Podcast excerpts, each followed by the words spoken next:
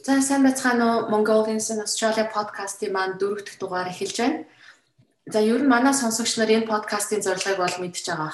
Гэхдээ анх сонсож байгаа хүмүүст хэлэхэд энэ подкастын зорилго нь Австралид ирээд удаагүй байгаа болон энэ орныг зорж ирэх гэж байгаа монголчуудаа мэдээлэл өгөх зорилгоор мөн энд ирээд олон жил амьдарч байгаа монголчууд ч гэсэн Австралийн хаа нэгтээ амьдарч байгаа монгол ахын дүүстэйгээ уулзах ярилцах боломжийг олгож байгаа. За тэгээ өнөөдрийн дугаараар Мельбурн хотоос ариун заяатай холбогдоод байна. Заяа маань Мельбурн хотын Central Queensland их сургуулийг Master of Accounting буюу нэгтлэн бодгчоор мастрын зэрэг хамгаалсан. Одоо Мельбурны их сургуульд сурж байгаа ийм мундаг бүсгүйтэй холбогдоод байна. За сайн уу Заяа? Сайн уу цацаа. Юуны юм өнөөдрийнхөө энэ подкастт орсод маш их баярлалаа. Тэгээд одоо өөрийнхөө нөгөө туршлагаасаа энэ сонсож байгаа хүмүүстэй хуваалцахтаа айгу баяртай байгаа шүү. Аа. За баярлалаа манай бас подкастэнд урайлах хүлээж аваад орж байгаа. За яда баярлалаа. За шууд асуултанд орно ойлоо. За заяа маань энд яг оюутан амьдралаар яваад ингээд их сургуулиудаар одоо ч гэсэн ингээд Мельбурний их сургууль сурж байгаа. Тэгэхээр их сургуулийн талаар нэлээд мэдлэгтэй байгаа. Тэгэхээр одоо ингээд оюутан болж ирэх гэж байгаа залуучуудаа яг ямар сургууль сонгуул дээрээ гэж зөвлөхийг бодож байна. Жишээлбэл одоо тийм том үнэтэй сургуулийн дээр гэдэг юм уу, нэртэй сургуулийн дээр гэдэг юм уу. За магадгүй зүгээр жижиг сургууль ч гэсэн дайжгүй штэ гэдэг юм уу. Тэ энэний талаас хоёлаа эхлээд мэдээлэл бүргээд байна. Аа. За тэгээ тэгээ. Аа яг нөгөө Австрали сурч байгаа хүмүүсийн хувьд болохоор миний нэг хамгийн нөгөө төрөнд ингээ хэлмээр санагддаг зүйл нь юу вэ гэхээр анх нөгөө ирэхээс хүмүүс ирэх байгаа хүмүүс хамгийн гол нь нөгөө яг ямар зорилгоор Австрали явах гэж байгаа гэдгээ эхлээд уг нь тодорхойлчих юм бол айгүй амар байхгүй. Тэгээд тэрэндээ таруулаад яг сургуулаа сонгож олно. Тэгээ бас заавал австралч гэсэн усаа сонгож олно шүү дээ, тий. Одоо жишээлбэл эн чинь одоо ямар зорилготой байхаа гэхээр нөгөө бакалавр сурах гэж байна уу, магистр сурах гэж байна уу, гэр бүлээрээ ирэх гэж байна уу? Эсвэл одоо би сургуулаа төгсчөнгүүтээ тэгээ австралтаа үлдэх үү, тийм үү, тий. Явандаа энэ нөгөө нэг байнга амнах нөгөө PR виза авах уу? Эсвэл зүгээр мө зарим хүмүүс магадгүй зүгээр австралд ирээд нөгөө нэг мөнгө хураад мөнгө хадгалчаад тэгээ буцах уу гэж бас болно шүү дээ тий. Янз бүр хүмүүсийн нөгөө ирэх байгаа зорилго янз янз байдаг болохоор тий. Тэрийг ингээд тодорхойлчвал тий. Жишээлбэл одоо гэр бүлээрээ ирэх гэж байгаа ингээд өөрөө айл эдийн хүүхдтэй болсон тий. Хүүхдүүдээ ингээд гой газар амьдраад гой гой орчинд өсгөө тэгээ англи хэл сургаад тэгээ даажаа магадгүй нөгөө хүүхдүүдээ их сургуульд оруулчаад буцъя гэж бодож болно тийм үү тий. Тэгэхээр чинь яг хамгийн гол нь яг зорилгоо тодорхойлцоод тэгээ тэндээ тохируулаад тэгээд нөгөө нэг сургуулаа сонгох эсвэл тэгээд нөгөө цаашдынхаа жишээл үлдэж байгаа бол би яг ямар ямар сургууль сураад юугаар сураад тэгээд тэндээ үлдэх боломжтой вэ гэдгийг нь бас судалчих юм бол тухайн хүмүүстэй ирж байгаа хүмүүстэй ингээ яванд аюу амар боллоо юм шиг санагддаг. Тэгээд сургуулиудын хувьд ч гэсэндээ хэрвээ ингээд тухайн хүмүүс чинь а тийм мэрэгжил сонголт бас аягүй чухал. Тэгээ ихэнх хүмүүс нөгөө нэг би тийм Монголд одоо жишээлбэл одоо би өөрөө өөрийнхөө ингээ яриа л да. Тэгээд би нэгтлэнгаар сурна. Би болохоор нөгөө бакалавра IT-гаар төгсөн байхгүй. Тэгээд энд би нэгтлэнгаар сурсан. Тэгэнгүүт чинь би анханасаа болохоор би яагаад ингээд нэгтлэнгаар сурах болсон бэ гэхээр би болохоор сургуулаа ингээд төгсчөөд а гэр бүлээр ирж байгаа. Тэгээд гэр бүлээрээ ингээд магистр сурахаар ирээд ирээд төгснөхийн дараа би эндээ нөгөө удаан хугацаагаар ингээ гэр бүлтэйгээ амьдрах сонирхолтой. Тэгээ сургуулаа төгсөнгүүтээ одоо энэ тийм нөгөө удаан амьдрах виз чинь PR шүү дээ тийм. Одоо permanent resident гэж хэлдэг. Тэрийг авах сонирхолтой байсан болохоор би яг ингээ нөгөө нэг тийм нөгөө permanent resident-ийн нөгөө жагсаалтаа гаргацсан байдаг. Тэгээ жагсаалтыг харж агаад би яг өөрөө алингээр нь сурч чадхаар байна. Би алингээр нь сурах юм бол PR авах боломжтой байна гэдгийг нь сонгоод тэгээд ерөнхийдөө би аккаунтангаар сурах гэж ирсэн байхгүй юу? Тэгээд аха тэгээд аа энэ байдлаар нөгөө нэг сурж юугаа мэрэгжлээ сонгож болно тийм үү те. Заавал ингээд би бакалавр тийм сурсан юм чи магистртаа заавал энэгээрээ сурмаар байна. Жишээлбэл бизнесээр сурмаар байна. Бизнесийн удирдлагаар сурмаар байна, маркетингээр сурмаар байна гэж заавал тийх албагүй тийм үү. Тэгээс нөгөө өөрийнхөө нөгөө нэг мэрэгжлийг сонгоод өөртөө хэрэгтэй байдлаар бас сурчиж болно. Аа тэгээд сургуулийн хувьд болохоор чинь аа сургуулийн хувьдын сонголтууд нь бол айгүй нөгөө нэг олон төрлийн сонголттой шүү дээ. Тэгээд үнтэй том сургууль сурч болно, нэр хүнтэй эсвэл жижигхэн нөгөө нэг коллежуудад сурч болно. Тэгээд а мэдээж нөгөө ялгаа нь гэх юм бол төлбөр нөр болно тий. Тэгээд үнтэй сайн сургуулиудад чинь хичээлүүд нь бас аягүй хүнд болно. Айгүй хугацаа зарцуулах хэрэгтэй болно хичээлээ хийхийн тулд тэгээд хямдхан сургуулиуд сурах юм бол тэр нөгөө нэг хичээлийнхаа хичээл нь болохоор тийм бас яг сайн сургуулиудаа бодох юм бол тийм айгүй хэцүү биш Тэгээд харьцангуй гайруу гайгүй ингээд ингээд хичээлээ яваал ах юм бол тэгээд ямар нэгэн байдлаар төгсөж чинь. Тэгээд төлбөр нь хямдхан. Гээд бодох юм бол бас тийм үү. А за яг хөө тэгээд хэрвээ нөгөө нэг хэрвээ яг ямар зорилго үлдчихэж байгаа нөгөө нэг үлдчихэж байгаа юу буцчихж байгаа юу? Яг Австралид яг ямар зорилгоор ирсэн бэ гэдгээ тодорхойлсон байгаа тохиолдолд сургуулиуд дээр нь би болохоор хүмүүст юу зөвлөмөр санагддаг вэ гэхээр хэрвээ чи энэ Австрал хэрвээ ингээ та ингээ Австралид ирээд ингээ цаашдаа ингээ ажиллаад эндээ ингээ удаан хугацаагаар байгаа жоохон туршлага хуримтлуулъя гэж бодох юм бол аль болох гайгүй сайн сургууль очиод агай зүгээр. Австралиудын Австралийн компаниуд ерөнхийдөө сургуулийг бас айгүй нөгөө нэг хардаг ажилд ороход а дүү хүн дээр хардггүй л дээ. Тэгээ ингээд чи мэдээж нөгөө нэг CV-н дээрээ сургуулийнхаа нэрийг бичин. Тэгээд а тэгээд нөгөө сургууль сайн байх тусмаа сүүлд нь нөгөө нэг ажил ороход чинь айгүй дөхөмтэй. Ягаад тэгэхээр сургууль сайн байна гэдэг чинь тухайн сургууль чинь цаанаа айгүйх нөөцтэй гэсэн үг байхгүй юу? Тэгээд нүдийн сурж байгаа оюутнуудтай айгүй их дэмжлэг үзүүлнэ. Чи яг ажилд ороход чинь ингээд цаана бүхэл бүтнийг департмент нэг хилтэс ингээд ажиллаж байгаа байхгүй юу? Тэгээд айгүй олон хүмүүс байнга чам туслан хэрвээ чи нөгөө яг хэрвээ тухайн нөгөө сурж байгаа хүн чинь тэр их нөөц бололцоог нь ашиглаж чадав шүү дээ тий. Айгүй их дэмжлэг байдаг. Тэгээл үнчид тэр дэмжлэгийг аваад тэгээд тэр сургуульд нөгөө нэг сургуулиас авч чадах юм авах юм бол чамд сүүлд нөгөө энд ажилд орохт нь айгүй хэрэгтэй тустай.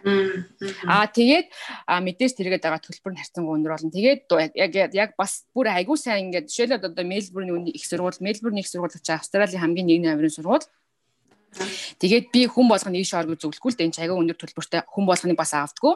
Тэгээд тэрний арай жоохон нөгөө дундаж зэрэглэлийн сургуулиуд бас байгаа.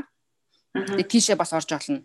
Аа тэгээд бүр ингээд надад хамаагүй би зөвхөн мөнгө ороогоод явна. Эсвэл тэгээд би айгүй хүүхдүүдтэйгээ ирсэн гэр бүлээр ирсэн болохоор би хүн сургууль цормоор ин гэх юм бол шууд илүү багасгаад коллеж левлийн сургуулиуд гэж байгаа. Тийм. Тэд нар нь болохоор жишээлбэл магистр сурах юм бол жилийн нэг 10 хэдэн мянгаас 20 мянган долларын төлбөр нь байгаа байхгүй юу? Тийм тэр коллеж нь. Яа, тийм. Ялангуяа тэгээ тий тэндээс сураад та нөгөө магистр сурах бол магистрийн диплом бас өгдөг. Тий. Тэгэл ялгаагүй гэр бүлийнх нь нөгөө нэг хоёр хоёулаа бүтэн цагаар ажиллаж нөгөө цагийн цаг руу ажиллаж олно. Тий. Тэгээд хүүхдүүдээ сургууль нөгөө нэг мэйл бүрэн чинь хүүхдүүдээ өнгөө сургачтай шүү дээ. Аа нөгөө юу магистр сурж байгаа хүмүүсийн хүүхдүүд нь а төлбөртэй байдаг. А чи тэрийг би буруу ярьсан байна. Тэгээ хүүхдүүд тэгээд Тэгээд нөгөө хүүхдүүдийн төлбөр төлөх хэмжээ нөгөө их сургуулийн төлбөр нөгөө жоох хямдхан байх юм бол тэр зөрүүгээрээ нөгөө хүүхдүүдийн төлбөрийг бас үлчиж 10 жилийн хүүхдүүдийн тийм. Яг тиймэрхүү байдлаар ингээд өөрөө нөгөө сургуулаа сонгоод цаашаа зорилгоо тодорхойлчих юм бол ер нь бол тодорхой болдог. Тэгэл хүмүүсээс нөгөө нэг асуувал тийм зөвлөгөө авах бас болно. Аа. Түрүү хоёлаа төлбөрийн хоёлаа төлбөрийнхаа юу бас эргээд ярив. Тэгэхээр сая коллежийн төлбөр жилийн 10-аас 20 мянган доллар Тийм. А коллеж нэг ойролцоогоор тийм хамгийн тэр миний бодлоор хамгийн бага ер нь бол одоо төлбөрлөгтэй аяга өссөн болохоор 15 мянга 16 мянгаар магистрийн сургуулиуд байсан. Коллеж аа. Тийм коллежууд тийм их сургуулиуд нь болохоор чинь дээшээ нэмэгдээд а ер нь а дундаж дундаж гэж хэлж хэлээ таашаа. Тэр чинь нөгөө нэг бас сайн сургуулиуд гэсэн үг шүү дээ. Мельбурн ч ерөнхийдөө нэг 5 5 5 6 сайн сургууль байдаг байхгүй юу? Австралиа сайн ордог тийм. Тэгээд тэдний дундаж нь би хэлэх юм бол дунджаар нэг 35 мянга байгаа хаа. 35 мянга жилийн. Тийм. Тэгээд одоо жишээлбэл одоо миний өмнө сурж байсан жижигхэн арай жижигхэн сургуулиуд гэж бодох юм бол тэд нар тэр тэд нар нэг 25 мянга байсан одоо өссөн болоо яасан бол 25 мянгаас 30 мянга байдаг. А тэрнээс арай жоохон дээд төвшин болохоор 35-аас 40 мянга байдаг. А тэгээ бүр нөгөө нэг сайн болоод эхлэх мүүд нь 45 мянгаас ер нь ойролцоогоо 45 мянга байгаа. Окей. За тэгэхээр манай сонсогчд бас эндээс э, ерөнхийдөө ингээд э, сургуулийн хашиг мэдээ тавьчихж байгаа гэж бодож байна. За тэгээ түрүү сая э, магистрт сурж байгаа хүүхдээ магистр сурж байгаа хүний хүүхдийг одоо сургууль одоо явхад төлбөр нь ямар үнэтэй гэдэг юм бэ? Яг зүгээр одоо primary school буюу дунд сургууль. Дунд сургуулиуд нь тий. А тий. Тэр чинь болохоор ерөнхийдөө primary school нь арай жоохон хямдхан. Миний сонсч байснаар болохоор манай хүүхдүүд болохоор сураагүй. А ер нь ойролцоогоор нэг primary school чинь жилдээ нэг 12-оос 13 мянган доллар байдаг. А Тийм, secondary school-ыг би сайн мэдэхгүй байна. Жохон үнэ нэмэгдэг байж магадгүй. Тэгэхээр чин тэрийг болохоор нөгөө оюутан баг тий ахлах сургууль гэсэн үг шүү дээ монголоор тий. Тэгээд тэрийг болохоор энд чинь нөгөө нэг магистраас оюутан байх хугацаанд л төлнө гэсэн үг шүү дээ. Хэрвээ магистрт 2 жилийн хугацаагаар сурах гэж ирсэн бол тэр 2 жилийнхаа хугацаанд төлнө гэсэн үг. 2 жилийн хугацаанд төлөөд тэгээд сургуулаа төгснөхийн дараа эн чинь нөгөө нэг TR буюу нөгөө бай нөө төр бай оршин суух виз авчиж байгаа шүү дээ тий. Тэр хугацаанд болохоор манай Мельбурнд ирсэн хүмүүс төлдөг байхгүй. Тэгээ хүүхдүүднийхэн сургуулийн төлөв өнгөө олчдаг гэсэн. А тэр талаараа нөгөө Сиднейгээс жоохон өөр юм шиг байлээ. Тэгээ Сиднейгийнхан болохоор магистр сурж байгаа хүмүүсийнхаа нөгөө хүүхдүүдэд 50% хөнгөлөлт өгчдөг юм байлээ сургуулиудаа. Тэнгүү тэр чинь нөгөө багасч байгаа ч нэг 5000 6000 орчим гэж юм шиг байсан. А тэр тэгтээ тэр нөгөө нэг төлбөр нь хүүхдүүд хүмүүс нөгөө сургуулаа төгснөхийн дараа нөгөө TR авчингууд Мельбурн шиг үнгүй болохгүй юм байлаа. Дээр яг стил тэгээд яг 50%-аар хөндлөгдөд явж байгаа тийм. Аа. Тэгэхээр нөгөө нэг сургууль нөгөө Сиднейд очиж хүүхд сургуулаа төгсчөөд тийм магистр хийчээд тэгээд дараа нь нөгөө нэг TR визага авцсныхаа дараа Мельбурнд ирж амьдардаг хүмүүс бас байгаа. Нөгөө хүүхдүүдийн салбар төлнөө төлбөр юу болчих вэ? Хүүхдүүд төлбөр болчих тийм. Тийм байна. Тэгвэл наад чинь бас э, хүмүүс бас хэрэгтэй л э, юу байна. За тэгэхээр за оюутны health insurance буюу эрүүл мэндийн даатгал, хувь даатгал байх хэрэгтэй гэж байгаа. Ер нь чи PR болохоос өмнө эндхийн PR виз авахаас өмнө яг ямар эрүүл мэндийн даатгал хэрэгжилж исэн бэ? Ямар нэг хямдхан байдгийн бэ? Яг юу Тэ одоо жишээлбэл гэр бүлтэй хүн одоо хүүхдтэй гэр бүлтэй хүмүүс нь яг ямар даатгалын компани нь илүү байна вэ? Аа яг даатгалын компани ямар даатгалын компани нь илүү вэ гэж хэлэхэд бас айгүй хэцүү л дээ. Тэр чинь зөндөө олон компаниуд байгаа. Тэгээд би болохоор чи юугээд илүү би болохоор би медик би яг сан нэрийг бас марчаад байна. Гэтэ миний авч исэн тухайн үед авч исэн болохоор Сүүлийн яг намайг ирэхээс өмнөхөн болохоор аяг хямдхан байсан байхгүй юу даатгалууд. Тэгээд яг намайг ирээд 1 2 жил басан дээр аягүй өндөр өссөн байсан. Тэгээд тухайн үед намайг авч хямдхан байсан. Тэр чинь одоо би чи 2013 онд авч исэн гэхэр чинь яг тэр үедээ болохоор миний авч исэн датлаг хямдхан байсан байхгүй. Тэгээд ирснийхаа дараа 2015 он болоод ирэнгүүт чинь аягүй үнэтэй болсон. Тэгээд би хамгийн сүүлд миний авч исэн тий аягүй өндөр болчихсон аягүй шинэ гэр бүлээрээ гэр бүлээрээ гэж авч байгаа даатгал маань. Тэгээд хамгийн хямдхан гэх юм бол одоо чинь яг нөгөө нэг ганц бие хүмүүс авах өөр, гэр бүлээр авах хүмүүс бас өөр байхгүй юу? Тий. Ганц бие зүгээр нэг ганцаараа авч байгаа тохиолдолд бол жижигэн жижигэн даатгалын компаниуд байдаг. Тэгээд тэднэрээс авчвал айгүй хямдхан байдаг. Жишээлбэл одоо миний сонсож байгаа нэг NIP HIV ч үлээ зөндөө тийм нэг тийм олонний танил биш чичийн компаниуд байгаа. Тэгээ ялангуяа тэр чинь нөгөө нэг ганц би залуу хүн гэдэг чинь ирүүл байгаа шүү дээ. Бараг нөгөө эмзэгт орох шаардлагагүй гэж гэж боддог уу. Тинээс айгүй бага өгдөг байхгүй юу? Тэг биш айгүй хямдхан байдаг. Аа тэгээд гэр бүлээр гихэнгүүд харьцангуй үнэтэй болоод эхэлдэг. Тэгээд биний хамгийн сүүлд авч ирсэн болохоор би Бупаг авч ирсэн. Бупагийн нөгөө гэр бүлийн яг байдаг шүү дээ family cover гэдэг. Тэгээд тэр тухайн үед харьцангуй арай хямдхан байсан. Ойролцоогоор хэд байсан бэ? Яг хөө зүгээр одоо өмнө нь өөрчлөгдсөн л хальтаа гэхдээ яг хүмүүс нэг жоохон нэг тийм ойролцоод багцаа өгвөл би би багцаа яг өстой сайн сэлж мэдэхгүй байна.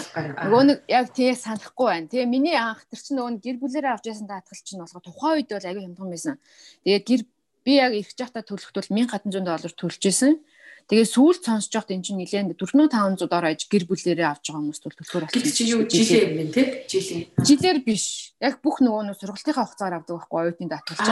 Чи одоо тий оюутны даатгалч болохоор харьцангуй өөр. Ягаад тэгэхээр чи нөгөө нэг энд ихэхээс өмнө тий сургуулийнхаа нөгөө урилгыг авчаад Тэгээд визэндээ мэдүүлэхээс өмнө тэр нөгөө даатгалаа авсан байх хэрэгтэй байдаг байхгүй юу? Авсан байх хэрэгтэй. Тэгэхээр оюутан болж ирж байгаа хүмүүс бол яг Монголоос ирэхээс өмнө бол сургалтын төлбөрөө хэдэн хувийн төлбөрөө бас ерөнхийдөө тийм. хэдэн хувийн төлбөр юм бэ нөө бага бага бага. Сургалт нь ерөнхийдөө эхний хамгийн нэг эхнийхээ семестр мөнгө төлөх ёстой. Тэгээд хэрвээ тухайн нөгөө нэг англи хэлний курс сурж явах юм бол англи хэлнийхээ курсныхаа төлбөрийг нь бас төлөх хэрэгтэй. Төлбөрөө төлчөөд тэгээд дараа нь үнцэн ангийнхаа нэг семестр эхний нэг семестрийг төлөх ёстой байдаг санагдаад. Тэгээд дээрээс нь нэмээд эрүүл мэндийн даатгалаа яг сул хугацааныхаа тийм сул хугацаагаар одоо жишээлбэл 2 жил гэсэн бол 2 жилийн бүтэн төлсөн байх нь шүү дээ. Аа. Тийм. Тэгээ урьдчилан ер нь тийм шүү дээ. Энэ австрал ч бас их хатуу яг тэр хин нэгэн эрүүл мэндийн хувь даатгалгүй бол ер нь бол энд байх үндэслэгүүл болчихж байгаа юм л да. Тэгэхээр хүн өөрийн гэсэн яг байгаа хугацаанд тийм айхтар тий яг байгаа хугацаанд та хэрүү Австралийн одоо эрүүл мэндийн даатгалын одоо халамжинд норч чадахгүй л та хувь компанитай заавал байх ёстой даатгалтай байх ёстой гэж хэлсэн нэрээ. Үздэг энэ угаасаа тэгээд тийм шүү дээ энэ ч аягүй хэрэгтэй байгаа. Хэрэгтэй шүү дээ. Тэгээ ер нь бол бид нэр өөрсдөө ч гэсэн бодох тийм тий. Энэ чи аягүй манай монголчууд ч нэг жоох нэг иймэрхүү зовтой шүү. За яавал гэжтэй гайгүй дээ тий. За тэр эрүүл мэндийн даатгал бол гэл ер нь одоо л манай монгол жоохон даатгалын систем жоохон хөгжөөд байгаа болохоос биш. Ер нь бол яг тухайн үед бол 2000 10 11 12 оны үед бол тий нэг тийм даатгалын талаар бол бас жоох ойлголт жоох юутай л байсан баг. Одоо харин гоё болж байгаа. За тэгвэл хоёлаа дараах нь юу мэдээж оюутнууд Мельбурн хотод мэдээж богоноор трейнер трамаар явж байгаа байх сургууль руугаа. Тэгээд тэрний талаар зам бас жоохон зөвлөгөө өгөөч. Майки гэдэг нэг юм жижигхэн карт байдаг те. Тэгээд тэр тэр картаараа төлөө явждаг тийм зүйл байгаа. Тэгэхээр бидний талаар бас төлбөр ханшин ямар байдгийг би миний хувьд болохоор би мэйл бүрэнд харьяалагдаж амьдардаг хэрнээ мэйл бүрнээс нэлээд захтуу хороолол байгаа амьдарч байгаа гэсэн үг л дээ. Тэгэхээр яг яг мэйл бүрэн доторх амьдралыг сайн ингээл надад ч гэсэн бүр айгүй сонирн байж чамаас ингээ асуухаар тэр майкигийн талаар яг яа ингээ дотроо ер нь ямар ямар тэмдэн те үнгүй үнтэй тийм богоон байдаг шүү трейн байдаг шүү гэдэг юм уу нэг тиймэрхүү нэг бас хүмүүс жоохон мэдээлэл болох юм байвал. Аа. За за тэгээ тийм майки ерч майк ерөнхийдөө болохоор чинь манай мэйл мэйл бүрэнд чинь болохоор гурван төрлийн нөгөө тээвэр ирсэл байгаа шүү дээ. Тийм нэг нь болохоор чи метро тэгээ автобусаар явж болно. Тэгээд нөгөө яг хотынхоо төвөр нөгөө трам гэдэг байгаа тий тэрэ майки ч юм болохоор яг гурууланд нь энийг хэрэгжилдэг байхгүй тийм карт байгаа. Тэгээд энийг эзнэглэл явчихна. Тэгээд а яг өдрийнх нь болохоор яг тэр чинь өдрийн өдөр хүний хүнээс хамгийн их гарах зардал нь болохоор ерөнхийдөө 9 доллар байдаг Чи одоо хэдэн ч удаа уншуулсан хамаагүй хаан ч уншуулсан хамаагүй чи яг өдөртөө бол яг чамаас 9 доллар гарна гэсэн. Тэгээд энэ нь болохоор чи яг нэг удаа ингээд суугаад буучж олно шүү дээ тий. Заавал буцхааргүй. Тэгсэн тохиолдолд болохоор яг 4 50 уншуулт байхгүй юу талаар нь.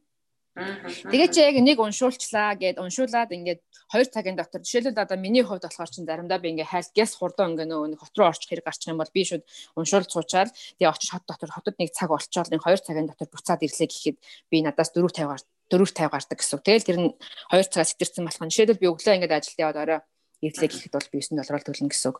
Аа тэгээд аа яг энэ дээр нөгөө нэг early birds гэдэг нэг бас юу чинь өглөө нөгөө эрт чуу ханаар зориулсан бас хэмбэр байдаг. Хэрвээ ингээ ажил чинь ингээ айгу эрт эхэлдэг байх юм бол чи нөгөө нэг майкига 7 15-аас өмнө илүү дээ.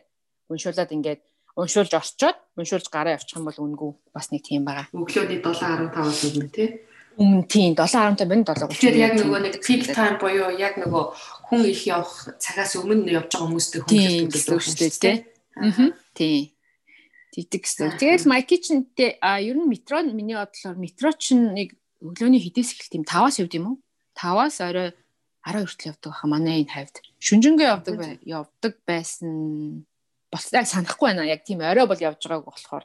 Гэтэ хамгийн сүүл 10 хүртэл явдаг санагдаж байна. 12 шөнийн 12. Гэтэ тэгээд нөгөө нэг эн чинь тий яг хүмүүс чинь хэрвээ ингээд миний бодлоор шинээр нөгөө шинээр ирж байгаа оюутнууд хөвчлэн тэгээ нөгөө сургуультайгаа ойрхон байр сонгочих юм бол тий заавал нөгөө майкигаар явахгүйгээр өгнө бах бас боломжтой шүү дээ яг нь дараагийн сэдв нь яг тэр байрны талаар бодох уу би Mongolians in Australia нөгөө групптэй тэгээ тэр групптэй ингээд хүмүүс зарим хүмүүсийг асуусан байлаа л дээ. Хоёр ч юу харсан пост харсан. Тэгсэн чинь тэрэн дээр ингэж яаж байраа сонгох уу эсвэл эхлээд сургуулаа ямар а тий ямар сургууль нь сайн бай гэж асуусан байсан байхгүй. Тэгсэн чинь хүн доотлол нь үчи эхлээд өөрөө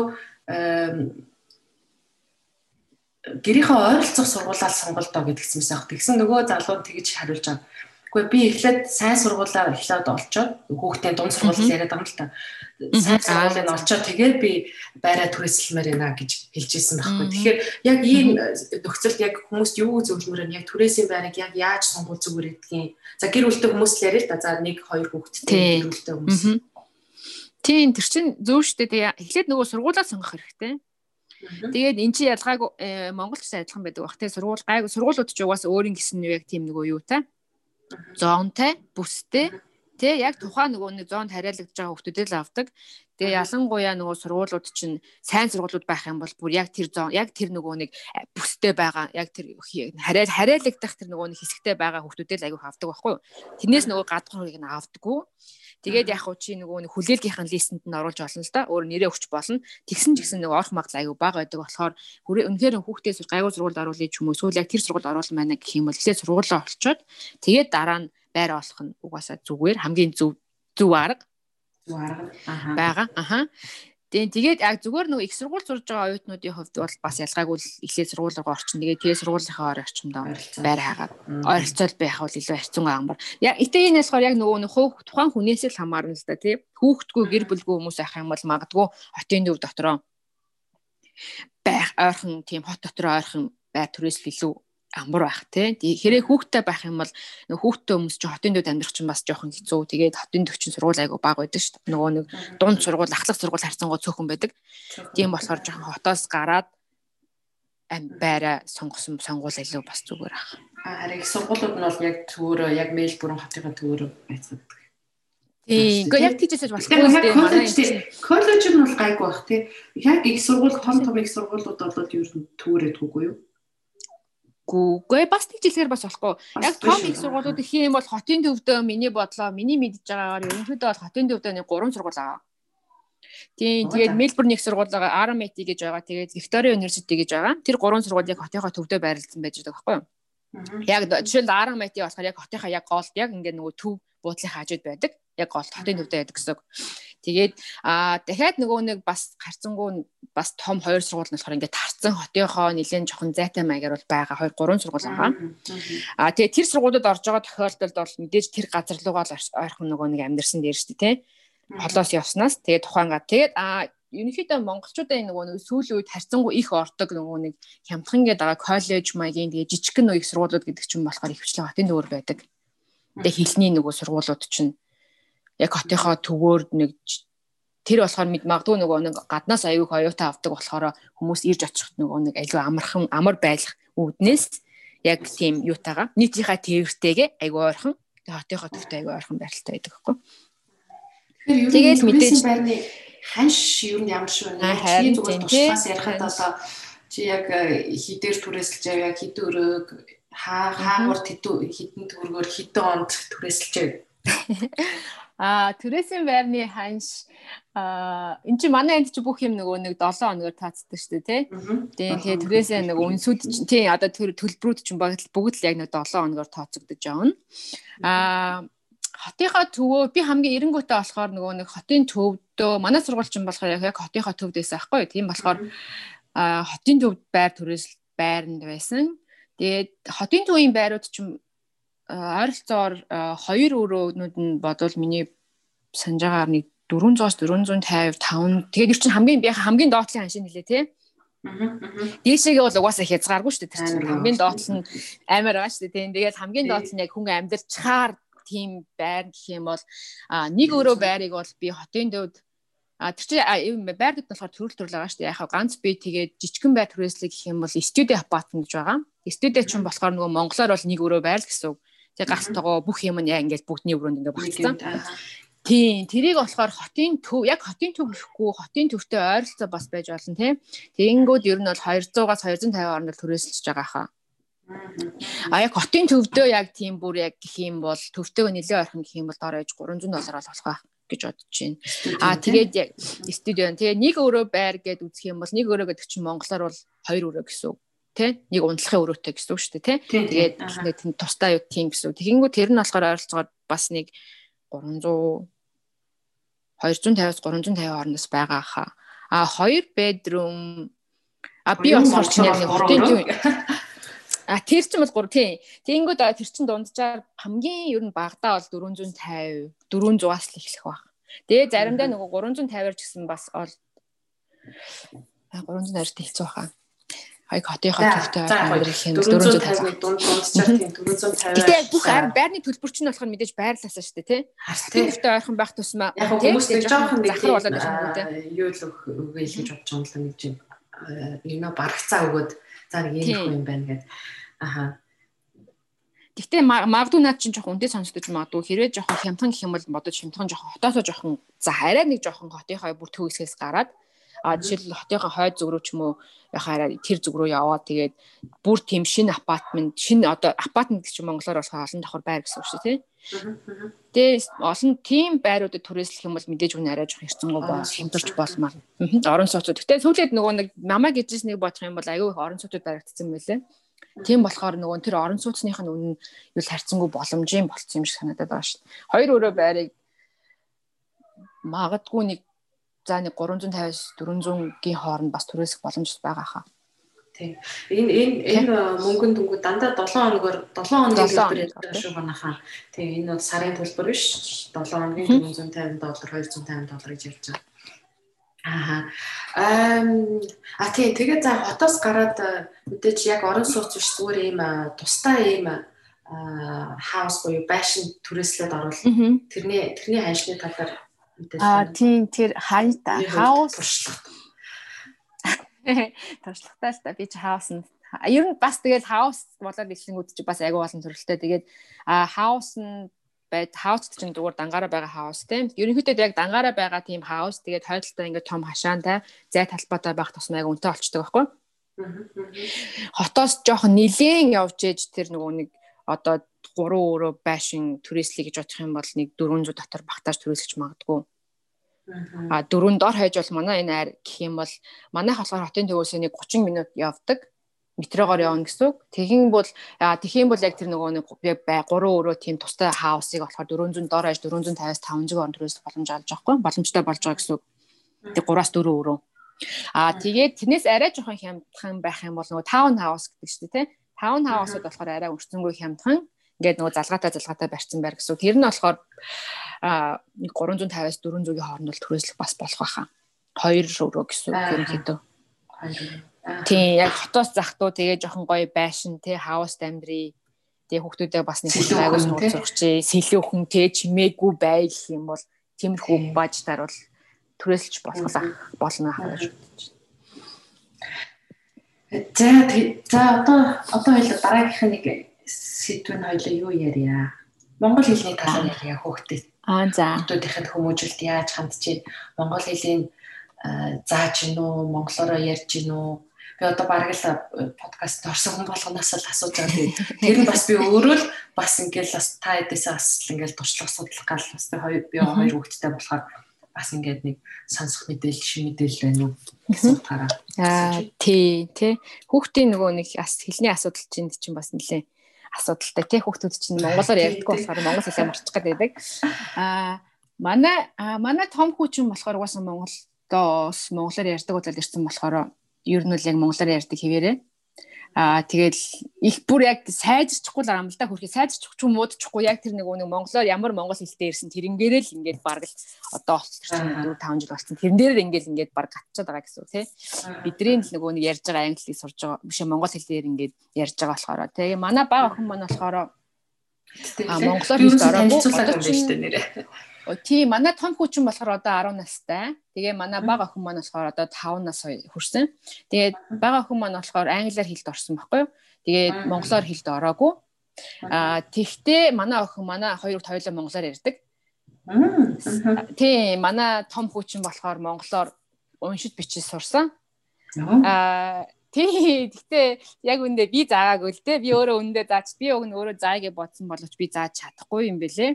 Айгүй тийм цаг болдог. Тэгээд тий би охиндоо бас нөгөө нэг монгол хэл заая гэд бас айгүй их үзээ. Тэгээ эхнээс нөгөө монголоор яриулъя гэд нилээ. Гэтэ тэр чинь хамгийн гол нь нөгөө энэ хүмүүс чинь монголоор ойлгодог байхгүй юу? Монголоор айгүй ойлгодог тий. Тий монголоор айгүй ойлгодог мөртлөөс монголоор буцаж хариу хэлдэг. Яг ингээд монголоор ярин буцаа өмнөөс англиар яриад шүү дээ. Танай огт бас англи тийм болсон баг тий. Тий. Тэгээд тэр нь аягүй инээдээ. Тэгээд би та хоёр чи монголоор амнаас яриад лахтаж ерөөс нэг ч хүн монголоор хэлэхгүй юм чинь. Тэгээд яаж монгол хэл сурч өгөө гэсэн чинь сайн нөгөө нэг манай аав ээж хоёр хоёлаа ирээд Аа тий өнгөрсөн жил ирээ тий нэг жил болсон байхгүй. Тэгээ тэр хугацаанд манай болохоор манай том хүүд монголоор нөгөө уншиж бичвэл сургаад тэгээд а манай ээж маань за хоёулаа л тэгээ манай бага охин. Манай бага охин чинь нөгөө яалтчгүй нөгөө англиар монголоор ярьдаггүй болохоор өвөө эмээтэйгээ ярихын тулд нөгөө монгол хэл ингээд сурсаар сурсаар агаад тэгээд сүүл рүүгээ нэг 3 сарын 3 сар болоход ер нь бол өвөө эмээдтэйгээ ойлголцохоор болчихжээ лээ. Тэгээд тийм тэгээд ер нь жил болоход чинь Монголд аягүй сайрдаг болсон шүү дээ. Одоо тэгээд одоо нэг англиар ярихгүй гэртээ бол яг монголоор яриад бид нартай монголоор яриад хамгийн гэмиг монголоор яриад англиар ярьсан юм шууд монгол руу ингээд орчуулад биднэрт хэлээд ер нь бол яг л адилхан монгол хүмүүс ч сайрдаг болсон. Тийм тэгж л одоо сургасан да. Би өөрөө бол яг өндөө бол тэгээ хийл. Чамд одоо манай хоо тийм манай хүүч болохоор хамгийн сайн арга байна. Тийм манай хүүч болохоор ингээ яг ингээд юу ярьж байгааг ингээд бараг л 100% ингээ ойлгоод байгаа хэрнээ ерөөсө хариултууд нь яг ингээ англи хэлчихдэг байхгүй. Тэгээд бараг л тэрийн зүгээр ойлгохгүй л өөрөөр нь яаж хийж байгаа монголоор л ярил мадал юм шиг байгаа юм. Тэг ингээд нэг яг хэлүүлж байгаа. За тэг тэгэл үе чи монголоор хэлэхээр нэлээд бүр алдаа мадагтай яг нэг гадаад хүн нэг нэг монгол дүрэн байхгүй нэг тий алдаатай ирчих юм шиг харин тийм тий яг тэгдэг шүү дээ. Хиндээ яг тэгдэг юм билээ. Тий.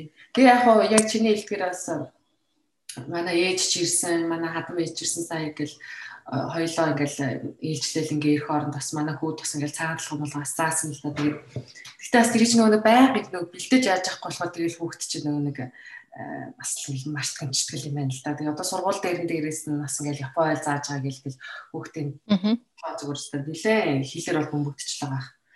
Тэгэхээр бас одоохон дадлыг бас шахаагүй л байна. Тэн дээр бас нөгөө нэг хэлхийн тэн дээр болохоор яг бас хэлэх юм нөгөө нэг юу юм шиг үл ш. Хүүхдүүдээ ингээд юм зааж эхлэгээд хэлэх юм бол айгу тууштай ах хэрэгтэй. Тэгээд нэг заасан бол доор хаяж монгол хэлийг чинь сурахын тулд манай ханаа хүчин баг яг бүтэн баг нэг жил зарцуулж байгаа байхгүй. Өсгөө эхлээс сурчин тий. Өсгөө бол тэгээд ороо сурчсан юм лээ том хүмүүс болохоор. Тэгээд сүүлд нь нөгөө өдөр болго ингээд уншуулаад бичүүлээл явсаар агаал манай авч нэг баг жил болохдоо Тэгээд ер нь баг өдөр болгон шахуу хичээл нь хэлэсээр байгаа л тэгээд яг тэгснийхаа үндсэн дээр ингэ сурч сурж байгаа гэсэн үг байхгүй юу? Тийм тэгэхгүй тэгэл чи нэг жоохон заажаал нь 2 3 сар ингэ заачаал за одоо болно гэж хэлчих нь ч мартчих шүү дээ. Тэгээ нөгөө зүгээр монголоор ярьж байгаагаа ч гэсэн мартчих шүү дээ. Тэ дор айж ингэ бүр ингэ жил нөгөө яалчгүй нөгөө нэг манай бага ахын дээр ярих юм бол яалчгүй заавал ярих хэрэгцээтэй болцсон.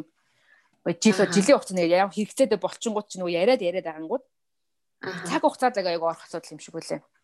Тэн дээр бол. Тийм тийм. За тэгэд юу нэр хин заяа маань энд ирээд одоо 7 7 жил болж байгаа байх шүү тий. Тийм бах. Тийм ер нь одоо 7 жил болох гэж байгаа юм байна. За тэгээд бас нэг уламжлалт асуулт байгаа. Хоомсыг болж гин үү? Яг ингээ Монгол Монгол руугаа хамгийн сүлд хизээ очив. Тэгээд дээрээс нь бас одоо яг ингээл Монголоос яг би нэг ТV нэг Монгол одоо тэ нэг нэхгүй ааруул идчмээр байна гэл хүмүүс нэг нэг шүнсэн нэхгүй айраг уучмаар байна гэл нэг тийм.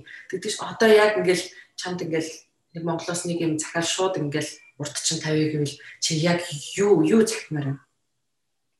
Юу хүсдэг Монгол. Одоо чи бол яг юу хүсэж байна? Айгуу сони сони асуулт асууж байна. Аа би бодсон Аа самар байна гэж. Самар тийм үү? Тийм. Самар төмжөд мэ хитгэх. Энэ жил айгуу самар гарсан юм байлээ шүү дээ. Тэ хүмүүс чинь айгуу тэгээ байхаар ярих болохоор чинь манай ээжтэй ярихаар л ээж байх нь самар цөмөд гэдэг шүү. Тэгээд одоо хамгийн дөрөв нэрээ захих байх нь самар захих сайхан цөмөр лээ. Аа тэг home sickness яваад би бол харцангуу гайгүй байсан. Гайгүй байсан л да. Нэг айхтарч нэг тийм шоконд ороод гэрээ санаад байсан ч нэг юм байхгүй. Тэгээд манай аав ээж хоёр айгүй их нөгөө нэг жилдээ ихвчлэн нэг жилдээ нэг ч юм уу ирчдэг хамгийн удандаа нэг 2 жилдээ нэг ирчдэг болохоор би болохоор нэг айхтар яг буцъя гэж боддгоо. Тэгээ манай нөгөө нэг хоёр дүү маань бас энд байдаг. Бид нар ч нөгөө нэг хвчлэн баг нөгөө гэр бүлээрээ байгаа гэсэн үг шүү дээ тий. Тэгээ манай хоёр дүү маань хоёулаа энд байдаг. Тэгээд а ээж аав маань тэгэл ирчих юм бол яг надад болохоор Монгол руу очиод нэг уулзаад ээж автагаа уулзъя дүүнэртэйгээ уулзъя гэх юм их байхгүй болохоор харьцангуй гайгүй. Тийм. Гэтэ яг нэг юм хэлчихэд нөгөө нэг хамгийн эхлээд энд ирээд нэг жоохон хамгийн нөгөө миний төсөөлөөгүй байсан нэг юм хэлчихв. Шоконд орох юу гэсэн гэх. Би болохоор нөгөө нэг Австралиг ингээл ингээл зөндөө судалж байгаа шүү дээ явъя гээл. Тэгэл бид нар чинь зөндөө л зургатаар хардаг шүү дээ Австрали. Тэнгүүд л дандаа л ингээл гой нар гарсан ногоон байгаад идэв шүү дээ тий. Тэгээд би Австралиг ингээд төсөөлөлтөө би яг ингээ халуун газар гэж бодсон. Австрал би үйл болдог гэж би яг тэр үедээ би одоо би санахад мэддэг байсан уу мэддгүй байсан уу гэдгээр сайн санахгүй байна. За. Тэгээд ерөөсөө би Австралийг хүүтэн гэж боддгоо байсан. Тэгээд би яг тэр үед чинь би яг нөгөө 11 сарын үед ирсэн гэдэг чинь ерөнхийдөө бол хаврын сүүл сар гэсэн үг те. Тэгээд хүмүүс ингээд би хүмүүсээс асуухаар Австрали ямар одоо ингээд очиж байгаа тэнгууд чи амарчсан айгу сэрүүхэн байд юм байлаа. Ноолрон цанцаа аваарал гэдэгсэн аахгүй юу? Тэгэхээр за за тэгвэл ноолрон цанцаа болохоор л сэрүүхэн байд юм байна. За ноолрон цанцаа аяа ч гэсэн авчий гээл. Тэгээл ирсэн чи амар хөдөн байсан. Бүр айгу даа.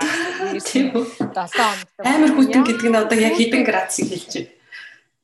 Тэгэл бодвол тэр чинь тэгээ 11 сарын ихэнх үегээ бодох юм бол хүүтэн байгаль ах л та мэдээж нэг нэмэх 15 автал байсан ба тий Тийм тийм тийм гэсэн үг шүү дээ. Бүр хүүтэндээ тий бүр хүүтэндээ нэг яг нэмэх 5 мав 5 байна гэдэг чинь баг хамгийн хүүтэн. Тэр чинь нэг өвлийн хамгийн хүүтэн цааш би өвл ирээгүй шүү дээ. Би чинь болохоор ч баг болж яг маатгүй.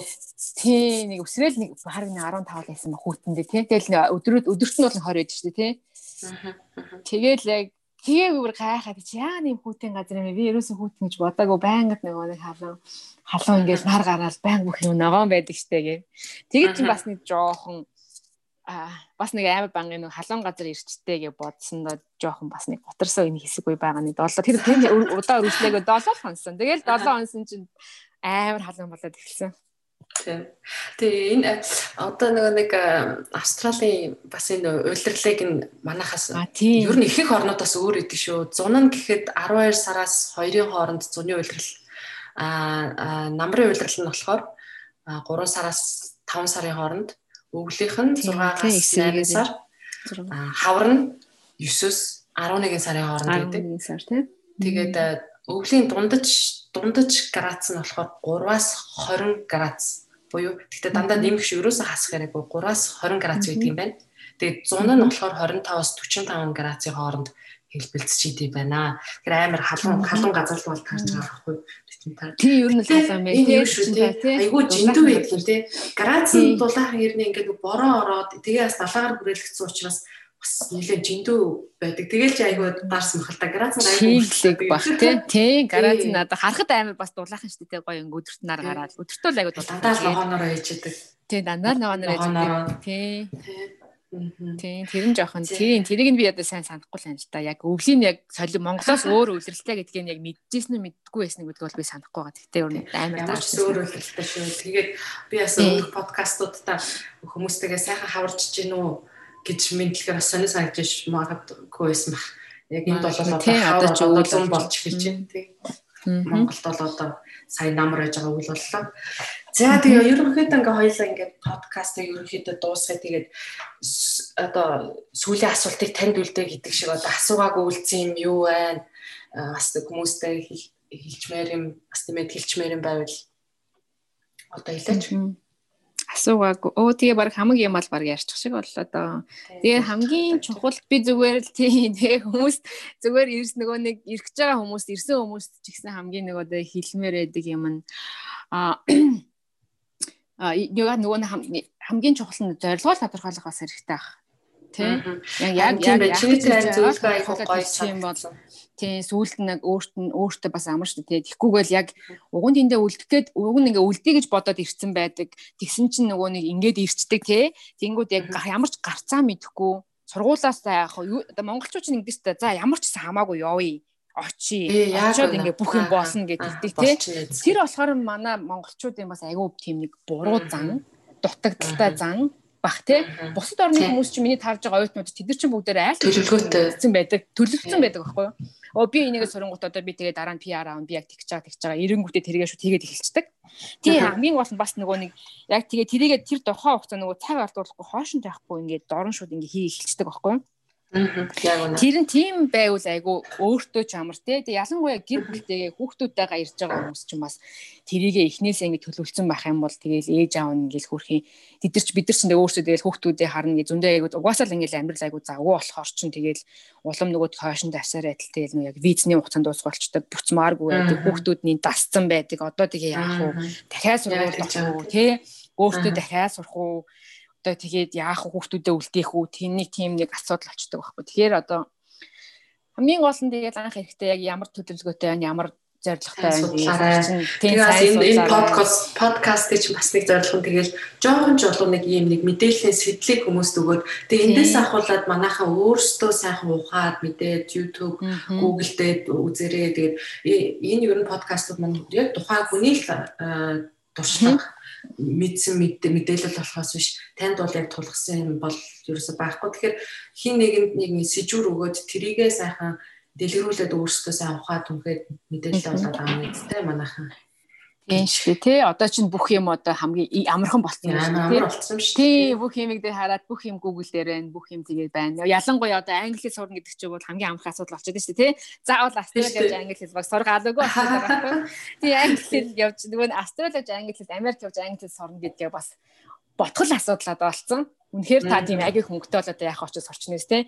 Тэгээ тийм биш бол одоо заавал ийм амар үнэтэй газар ирж англиээ сурна гэдэг ч одоо бас зөвхөн англи. Миний бодлоор тийм миний бодлоор тэр аги сонирн бас одоо яг за тэгээ ер нь бол миний бодлоор тийм тэр ч одоо одоо цагт тэгж хэлэхэд бол ямарч бас нэг нилээн тэр зохимжуул болсон баг те. Хүн боломж аягүй байх чинь заавал ингэж үнэтэй газар явах ямар хэрэг хэрэгч ба ямар ч хэрэг байхгүй.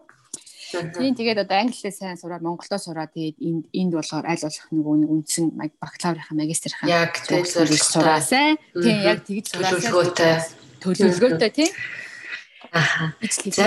Тийм байна. Гой гой гой хэлж байна. Яг л яг л зөвдөө одоо сайн судлах хэрэгтэй. За за тэгээ ингээд өнөөдөр надтай ярилцаад манай сонсогч нарт өөрийнхөө туршлагыг амьдралын туршлага болон туршлагаас харамгүй ярьж өгсөнд баярлалаа. Ярилцсанд баярлалаа. За яа. За баярлалаа. Намайг урьж оролцуулсанд маш их баярлалаа. За яа цацаадаа тэгээд цаашдынхын подкастэнд амжилт хүсье. Баярлалаа. Тэгэл баярлалаа. Тэгэл тэгэл яваад байна да. За тэгээ ингээд аха яванда сайжрах байхаа. Тэг яваа яванда улам олон хэрэгтэй хүмүүс яваасаа тэгэл тий. Дөнгөж шинээр эхэлж байгаа юм чинь тэгэл мэдээж л тий. Манайхан тэгээ дэмжиж байна, сайжруулах юм байна. Дэмжээрээ, сайжраа хийгээрээ тий. Үзээрээ, вив хийгээрээ. Үзээрээ. За ингээд Австралийн Мельбурн хотоос ариун заяа а мөн Мельбурн хотоос цацаа хоёр ярилцлаа. Тэгээ дараагийн дугаараар уулзтлаа. Баяртай манайхаа илүү ихийг сонсох гэсэн энэ доор байгаа subscribe товчийг дараад subscribe хийгээрэй гэх юм бол та шинэ подкастуудын маань шууд сонсч чадна гэсэн. За ингээд дараа уулзъя манайхаа. Баяр таа. Баяр таа.